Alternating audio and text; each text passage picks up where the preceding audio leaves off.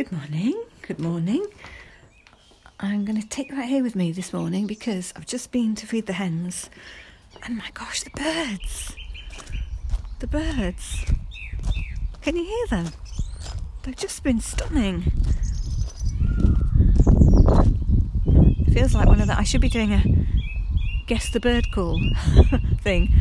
That really unusual one was a, was a peacock a minute ago. Isn't it glorious?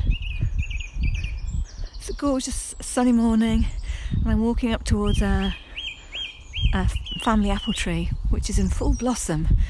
It's just one of those mornings when you feel like the world's brilliant. oh, there's our hens. Hang on, come say morning to the hens. Can you hear them? They think I've got treats. That's why they're giving me a shout. We've got uh, six hens. Six hens. There's Tilly, there's Blondie, there's Minnie Minx. There we are. I just I just had to share these glorious morning sounds with you. Um, I'm feeling really upbeat this morning because I've been lying there um, early, early, very early, just completely brimming with ideas of things that I want to try. Um, so one of my friends who I'm hoping to chat to sometime about how she's changed her life.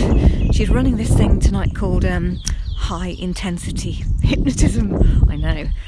Does that sound scary to you? It sounds quite scary to me, but you know, I'm going to try it. Um, I'm going to sit down today and see what might be a good thing to, to try because you can just bring anything to it, apparently. It's a group thing. Do I need to go back inside? Are those birds too loud? Or are they nice? Um, do you know what? I might I might pause a little bit maybe and go back inside carry on because it's gorgeous, but it's a little bit windy and I don't know if it's a bit too loud. So bear with me. I I'll be back.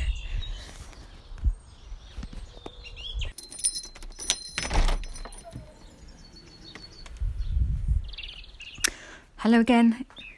It's uh, a look, three hours, three hours already since I started talking to you first thing this morning. Um, it's it's going to be one of those days with the weather, I think, because as soon as I came in, it threw itself down with rain. Uh, and now it's part sun one side of the house and part black the other. So I'm now sitting just inside the patio doors. Nice fresh air, bit of bird song, but hopefully you can hear me a bit better. Anyway, today, today might be a bit random but I found it's felt good to be taking some kind of action when I've been contacting people about creative writing courses. Uh, I've always been quite planful and focused about my career.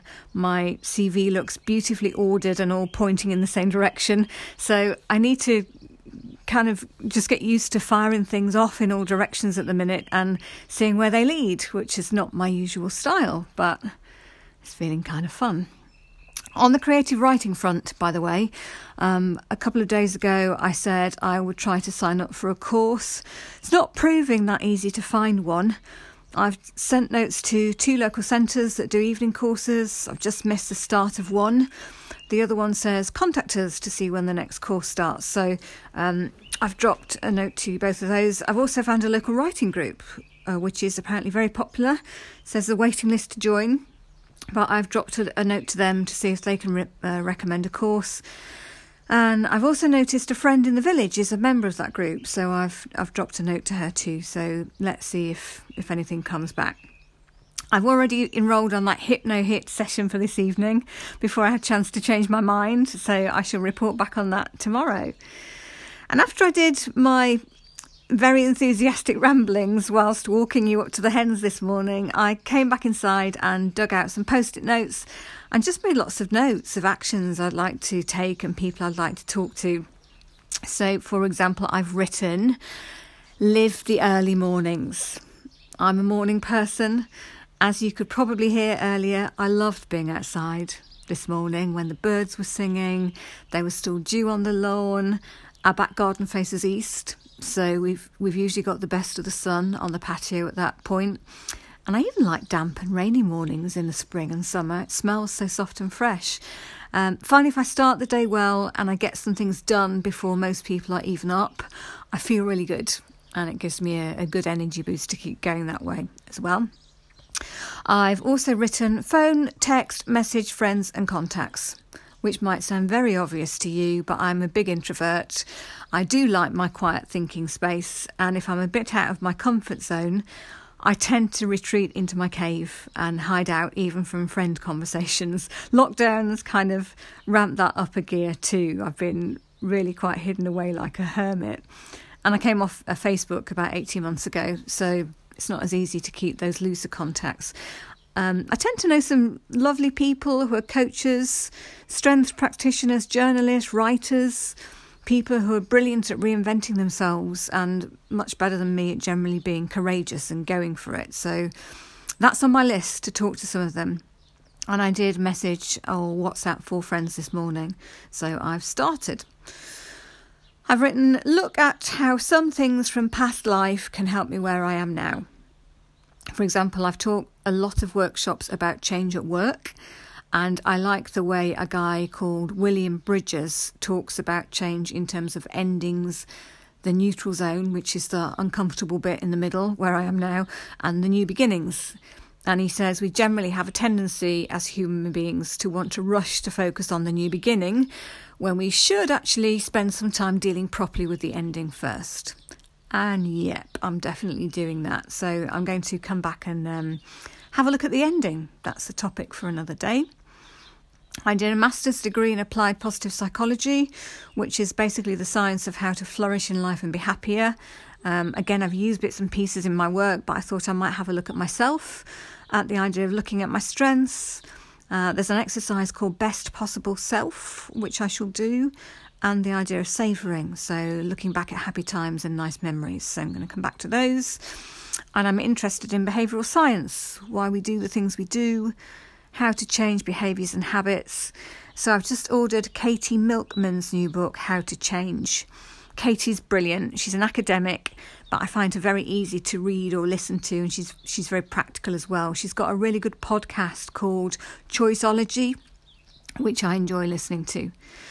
I've also written down a whole list of people I'd love to talk to about the changes they've made in their work, uh, and two or three people I follow locally on Twitter that I've always been really curious about how they came to do what they do. So maybe this is a, a good excuse to ask them.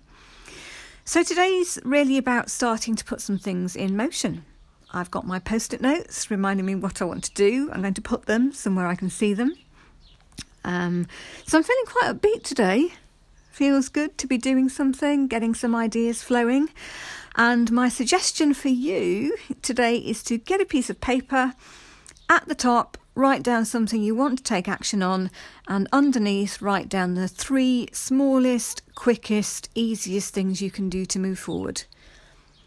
Um, even if you can see only see big things or difficult things, break them down into small steps. And even if they look ridiculously tiny, that's perfect. It means it will be really easy to do them, and then you'll be on your way moving forward, and you might just find you want to keep going. It's a quick lesson from behavioural science. They say if you want to start something, uh, let's say it's a walking habit, but you just can't make yourself do it, start by telling yourself you'll just put your walking shoes on and walk for two minutes. Then you can stop. Nice and easy. Everybody's got time for two minutes, and the chances are you're probably not going to stop after two minutes, are you? So, hope this gets you on the way to um, doing something today that you want to take action on. Uh, and I shall be reporting back tomorrow on what the heck Hypno Hit is all about. So, hope you have a great day. Talk then.